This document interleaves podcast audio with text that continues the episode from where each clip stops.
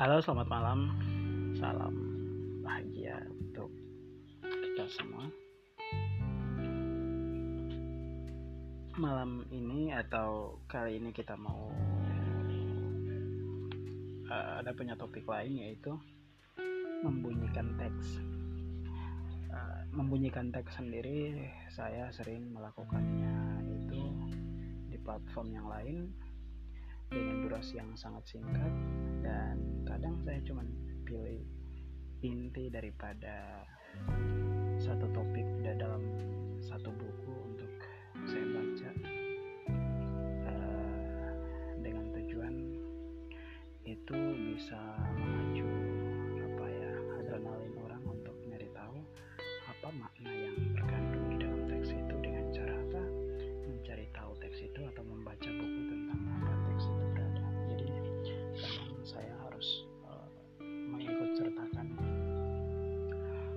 literatur atau referensi yang saya baca itu sehingga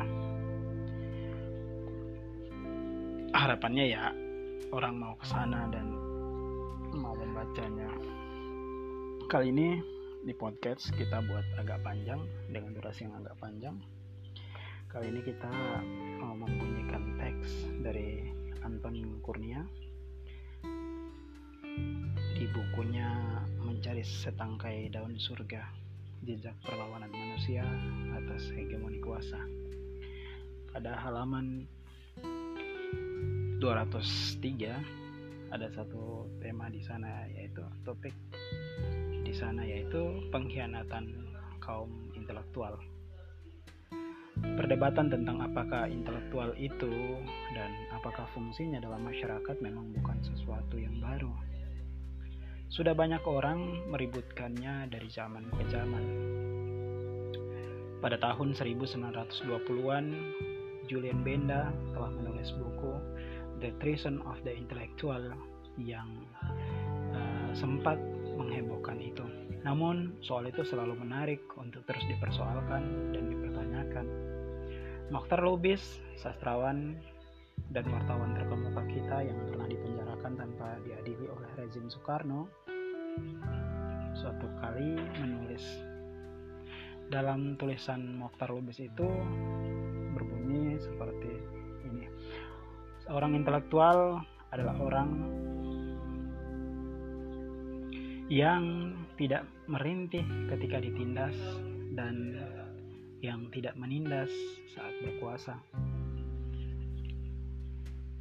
Dalam buku Peran Intelektual yang diterbitkan oleh Yayasan Obor Indonesia pada tahun 1998, Edward Said antara lain juga menulis Edward Said antara lain menulis bahwa seorang intelektual adalah ia yang berani mengatakan apa yang dianggapnya benar, meskipun itu bertentangan dengan pikiran-pikiran kaum penguasa. Bagi Edward Said, seorang intelektual adalah pencipta sebuah bahasa yang berani mengatakan yang benar pada penguasa. Karena itu, seorang intelektual atau kerap pula disebut cendikiawan cenderung beroposisi. Dosa terbesar seorang intelektual adalah apabila ia tahu apa yang seharusnya dikatakan, tetapi menghindar untuk menyampaikannya. Ia hendaknya tidak mengabdi, mengabdi pada kepentingan penguasa. Komitmennya adalah pada nilai-nilai kebenaran, bukan pada seorang atau sekelompok tertentu dan seorang intelektual tidak pernah berhenti mempertanyakan segala hal yang dianggapnya tidak beres. Hidup seorang intelektual menurut Said pada hakikatnya berkaitan dengan ilmu pengetahuan dan kebebasan. Ia tidak dapat menjadikan milik siapa pun. Meminjam, meminjam istilah Rendra, ia adalah orang yang berumah di angin. Oleh karena itu, ia sering dianggap berbahaya. Ia bisa saja solider, solider terhadap kelompoknya, tetapi selalu dengan sikap kritis, maka ia mudah dicurigai, bahkan sering kali dicap tidak loyal. Pada hakikatnya, ia berjuang sendirian, berhadapan dengan lingkungannya. Ia tidak mau membuat mereka puas, melainkan justru menantang mereka, Karena pemikiran komitmen terhadap kebenaran, ia tidak dapat menjual diri pada pihak mana pun. Ia harus menentang ajaran-ajaran ortodoks dan dogma, baik religius maupun politik. Pendeknya, ia mesti berpihak pada kebenaran dan keadilan. Pada zaman Yunani kuno, Socrates rela menjadi martir bukan hanya demi kebe demi membela kebenaran, tetapi juga karena ia mempertahankannya hakikat untuk terus bertanya, menyelidik, dan mempersoalkan segala hal. Ia mengusik segala yang telah mapan dalam masyarakatnya yang telah menjadi zumut digital, digilas rutinitas. Jika kau tak katakan padaku, Socrates, kali ini aku, kali ini kau dibebaskan asal tidak lagi bertanya atau mempersoalkan segala hal. Maka ketahuilah bahwa aku tak akan mengubah pendirian sekalipun. Mati berkali-kali karenanya, ujar Socrates di depan pengadilan Athena. Kisah Socrates ini uh, menarik ya, karena dia mempertahankan kebenaran menurut dia itu dengan mempertaruhkan nyawanya luar biasa oke kita lanjut ia pun akhirnya dihukum mati karena selalu bertanya dan karena pertanyaan-pertanyaan selalu mengusik keyakinan yang sudah mapan. Namun ia mati sebagai martir, sebagai syahid, saksi kebenaran. Ia dikenang sebagai teladan sosok intelektual sejati yang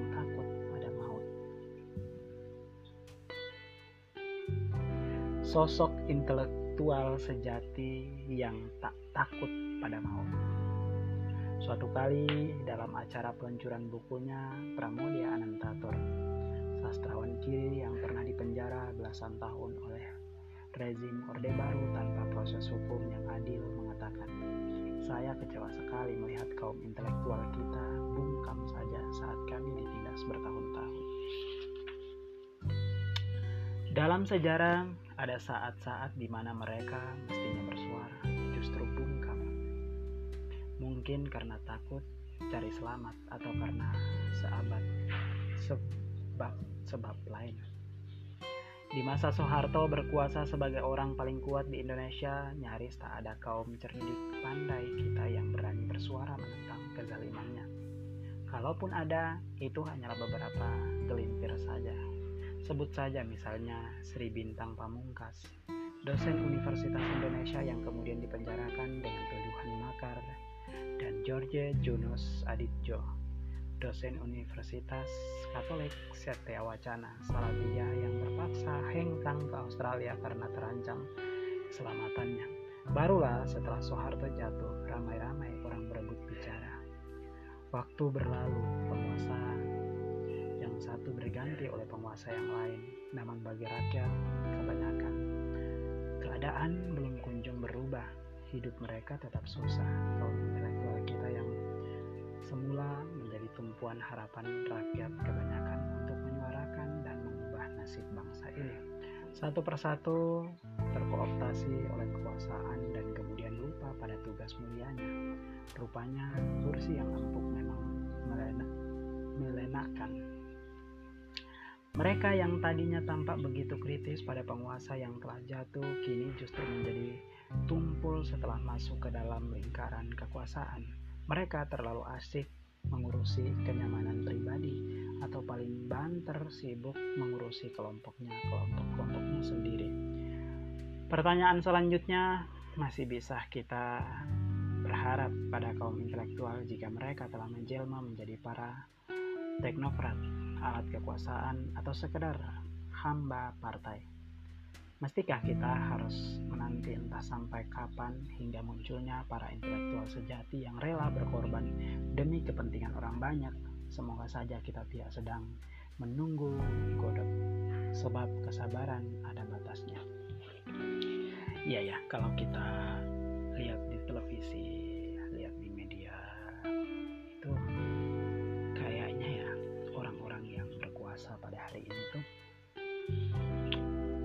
selalu menuturkan histori mereka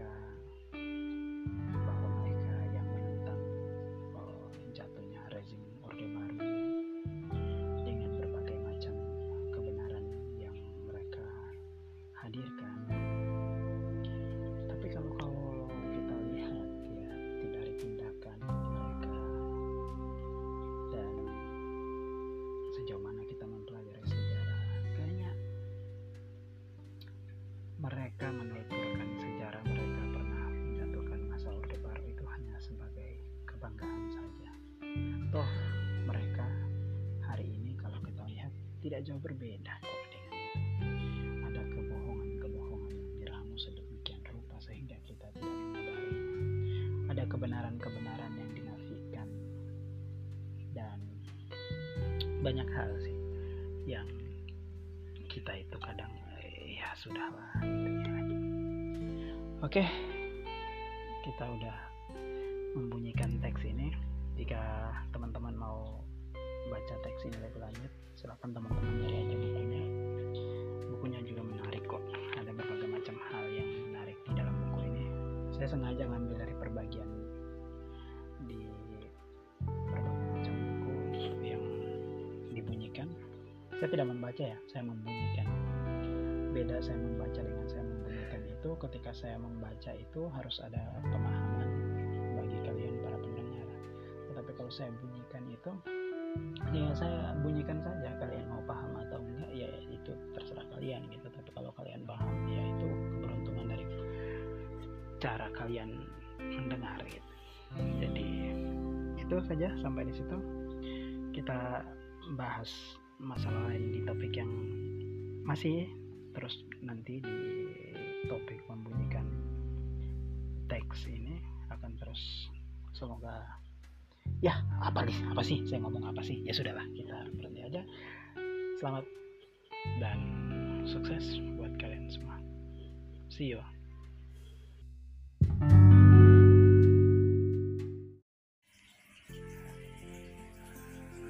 Halo, selamat sore. Salam kemanusiaan. Halo, kawan beta. Kali ini Anda sedang mendengarkan podcast Jurnal Beta bersama saya Wamoy. Kawan Beta, kita sedang berada pada topik membunyikan teks. Teks yang kali ini kita bunyikan datang dari Mark Manson halaman 112 Mark Manson pada judul bukunya yang berbunyi sebuah seni untuk bersikap bodoh amat.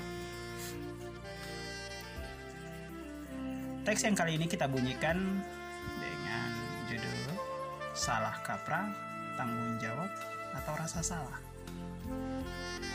Bertahun-tahun lalu ketika uh, saya lebih mudah dan lebih bodoh, saya menulis sebuah blog. Dan di bagian penutup saya menulis kurang lebih seperti ini. Dan seperti kata seorang filsuf, kekuatan yang besar menuntun tanggung jawab yang besar. Ini terdengar keren dan berwibawa. Saya lupa siapa yang mengatakan hal itu. Dan pencarian di mesin Google saya tidak menunjukkan hasil apa pun. Jadi saya biarkan saja tertulis demikian. Terasa pas dan postingan. Terasa pas dengan postingan saya. Sekitar 10 menit kemudian komentar pertama masuk. Kayaknya sang filsuf hebat yang Anda sebut itu adalah paman Ben dari film Spider-Man. Oke. Okay. Jadi si orang ini menulis di blognya itu biografi kayaknya. Dan seperti kata seorang filsuf kekuatan besar menuntun tanggung jawab yang besar. Dan dia nggak tahu kalau itu kata diucapkan oleh siapa. Setelah beberapa menit kemudian dia ngupdate uh, blog itu dan ada komentar bahwa itu datang dari paman Ben dari film Spider-Man. Oke kita lanjut seperti kata filsuf besar lain duh kekuatan yang besar menuntut tanggung jawab yang besar Kata-kata terakhir Paman Ben sebelum seorang pencuri yang dibing yang dibiarkan lolos oleh Peter Parker membunuhnya di trotoar yang dipadati orang tanpa alasan yang bisa diterima.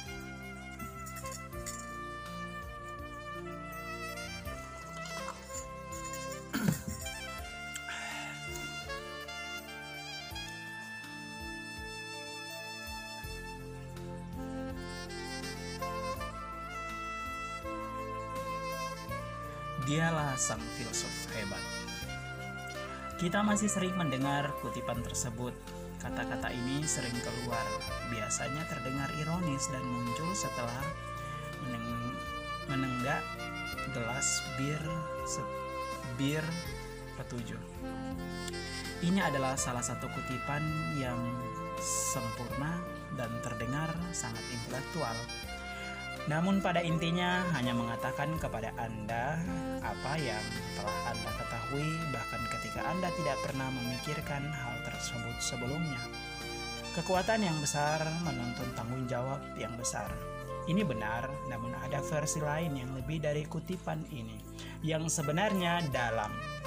Dan yang harus Anda lakukan adalah menukar posisi kata bendanya. Tanggung jawab yang besar menuntut kekuatan yang besar. Semakin kita memilih untuk menerima tanggung jawab dan kehidupan kita, semakin besar kekuatan yang dibutuhkan untuk menjalani kehidupan. Menerima tanggung jawab atas masalah yang kita hadapi menjadi langkah pertama untuk menyelesaikannya. Saya pernah Eh, mengenal seorang pria yang mengaku bahwa alasan dibalik tidak ada seorang wanita pun yang mau diajak berkencan adalah karena dia terlalu pendek. Pria ini terpelajar, menarik, dan tampan yang jelas, tipe yang sangat ideal. Namun dia sungguh yakin kalau dia terlalu pendek untuk bisa kencan dengan wanita. Dan karena dia merasa terlalu pendek, dia jarang pergi keluar dan mencoba untuk berkenalan dengan seorang wanita. Dia pernah mencoba beberapa kali dan perhatiannya justru tertuju pada segelintir perangai dari cewek tersebut yang menurutnya menging mengindikasikan bahwa dia tidak cukup menarik di mata si cewek. Dan itu sudah membuatnya yakin bahwa cewek tersebut sungguh tidak menyukainya. Meskipun sebenarnya si cewek suka. Bisa Anda bayangkan betapa payah kehidupan asmaranya. Apa yang tidak didasarinya adalah bahwa dia apa yang tidak disadarinya bahwa dia telah memilih nilai yang justru menyakiti dirinya sendiri. Tinggi badan, wanita dalam benaknya hanya tertarik pada pria yang tinggi. Dia tamat masa bodoh apa pun yang dilakukannya. Pilihan atas nilai ini melemahkan. Hal itu memberi pria ini masalah yang pelik. Menjadi orang yang tidak cukup tinggi dalam dunia yang diciptakannya. Dalam pandangannya, hanya untuk orang-orang yang tinggi semapan. Masih ada berbagai nilai yang jauh lebih baik yang bisa digunakan dalam kehidupan percintaan. Saya cuma ingin mengencani wanita yang menyukai saya apa adanya. Mungkin dapat menjadi awal yang baik, ukuran yang menilai kejujuran dan penerimaan. Namun dia tidak memilih nilai ini seperti yang dia bahkan tidak sadar kalau dia sedang tahu bisa memilih satu nilai atau lebih. Tanda disadari dia sesungguhnya bertanggung jawab atas masalahnya. Jadi kita itu sebenarnya bisa memilih nilai-nilai yang mau kita adopsi atau yang mau kita lakukan dalam diri kita itu bisa satu atau lebih. Kita tidak harus berpatokan pada satu nilai saja seperti orang ini Oke, lanjut. Alih-alih bertanggung jawab, dia justru mengeluh. Tapi saya tidak punya pilihan. Omelannya kepada partner. Saya tidak bisa berbuat apa-apa. Wanita itu berpikir dangkal dan angkun dan tidak akan pernah menyukai saya. Benar, ini merupakan kesalahan setiap wanita untuk tidak menyukai pria yang suka meng benar ini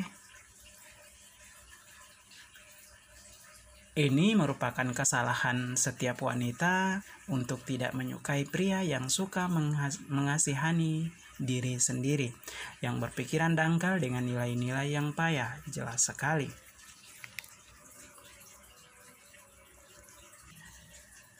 Tanggung jawab dan kesalahan sering kali tampil bebarengan dalam budaya kita. Tetapi kedua hal itu tidak sama. Jika saya menabrak Anda dengan mobil saya, saya bersalah dan bertanggung jawab secara hukum untuk memberikan ganti rugi kepada Anda. Entah bagaimana caranya, bahkan jika saya tidak sengaja menabrak Anda, saya masih harus bertanggung jawab. Beginilah pihak yang bersalah. Ditentukan dalam masyarakat kita, jika Anda mengacau, Anda harus memperbaikinya, dan seharusnya memang seperti itu. Ada juga masalah di mana kita tidak bisa dipersalahkan dan masih bertanggung jawab terhadapnya. Sebagai contoh, jika Anda bangun di suatu pagi dan menemukan bayi yang masih berada di depan pintu rumah Anda, jelas ini bukan kesalahan Anda kalau si bayi ditinggalkan di sana. Namun, bayi tersebut sekarang menjadi tanggung jawab Anda. Anda kemudian memutuskan akan melakukan sesuatu, dan entah apa pun pilihan Anda nantinya merawatnya, membangunkannya, mengabaikannya, menjadikannya makan makanan pitbull itu merupakan masalah. Yang terkait dengan pilihan Anda. Dan Anda akan bertanggung jawab terhadapnya juga. Hakim tidak bisa memilih kasus yang dihadapi ketika sebuah kasus sampai di pengadilan. Hakim ditugasi untuk menangani perkara tersebut tidak melakukan kejahatan, bukan saksi kejahatan dan tidak terkena imbas dari kejahatan itu. Namun itu tetap bertanggung jawab atas kejahatan tersebut. Sang hakim lantas harus memilih beberapa konsekuensi. Dia harus mengidentifikasi ukuran untuk menilai kejahatan tersebut dan memastikan bahwa ukuran yang tersebut sungguh dipakai secara konsisten. Kita bertanggung jawab atas hal-hal yang bukan merupakan kesalahan kita. Kita inilah bagian kehidupan. Berikut ini cara untuk memahami perbedaan antara dua konsep tersebut. Pertama, kesalahan adalah bentuk lampau past tenses. Tanggung jawab adalah bentuk kini atau present tense. Kesalahan merupakan hasil dari pilihan-pilihan yang telah diambil. Tanggung jawab merupakan hasil dari pilihan yang sedang Anda ambil saat ini. Setiap detik, setiap hari, Anda sedang memilih untuk membaca buku ini. Anda sedang memilih untuk menerima atau menolak konsep ini. Jika menurut Anda ide saya di buku ini payah, maka itu adalah kesalahan saya. Namun Anda bertanggung jawab atas kesimpulan yang Anda ambil tersebut. Bukan kesalahan Anda jika saya memilih untuk menulis kalimat ini, namun Anda tetap bertanggung jawab ketika memilih untuk membacakannya atau tidak. Ada perbedaan antara menyalahkan seseorang atas situasi yang terjadi pada Anda dan bahwa orang tersebut memang sungguh bertanggung jawab atas keadaan yang Anda alami. Tidak ada seorang pun yang bertanggung jawab atas keadaan Anda kecuali diri Anda sendiri. Banyak orang yang mungkin disalahkan atas ketidak kebahagiaan Anda. Namun tidak seorang pun yang bertanggung jawab atas ketidakbahagiaan Anda selain Anda. Ini karena Anda selalu harus memilih bagaimana Anda memandang sekitar Anda, bagaimana Anda bereaksi terhadapnya, bagaimana Anda menilai sesuatu. Anda selalu harus memilih ukuran yang Anda gunakan untuk menilai pengalaman Anda. Pacar saya yang pertama mencampakkan saya dengan cara yang spektakuler. Dia berselingkuh dengan gurunya.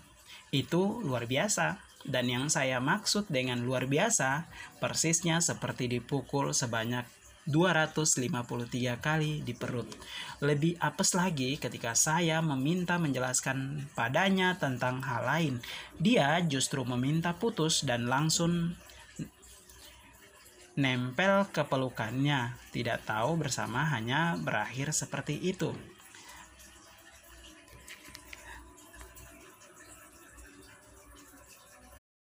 Saya nelangsa selama beberapa bulan.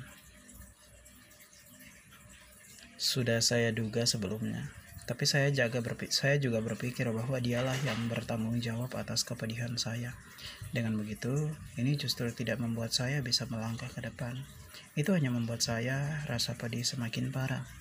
Lihat, saya tidak bisa mengendalikan dia. tidak peduli berapa kali saya memanggil-manggilnya atau meneriakin namanya atau memohon agar dia mau kembali ke pelukan saya atau membuat kunjungan kejutan ke tempatnya atau hal-hal yang mengerikan dan ira, ironi, irasional lain yang bisa dilakukan seorang mantan.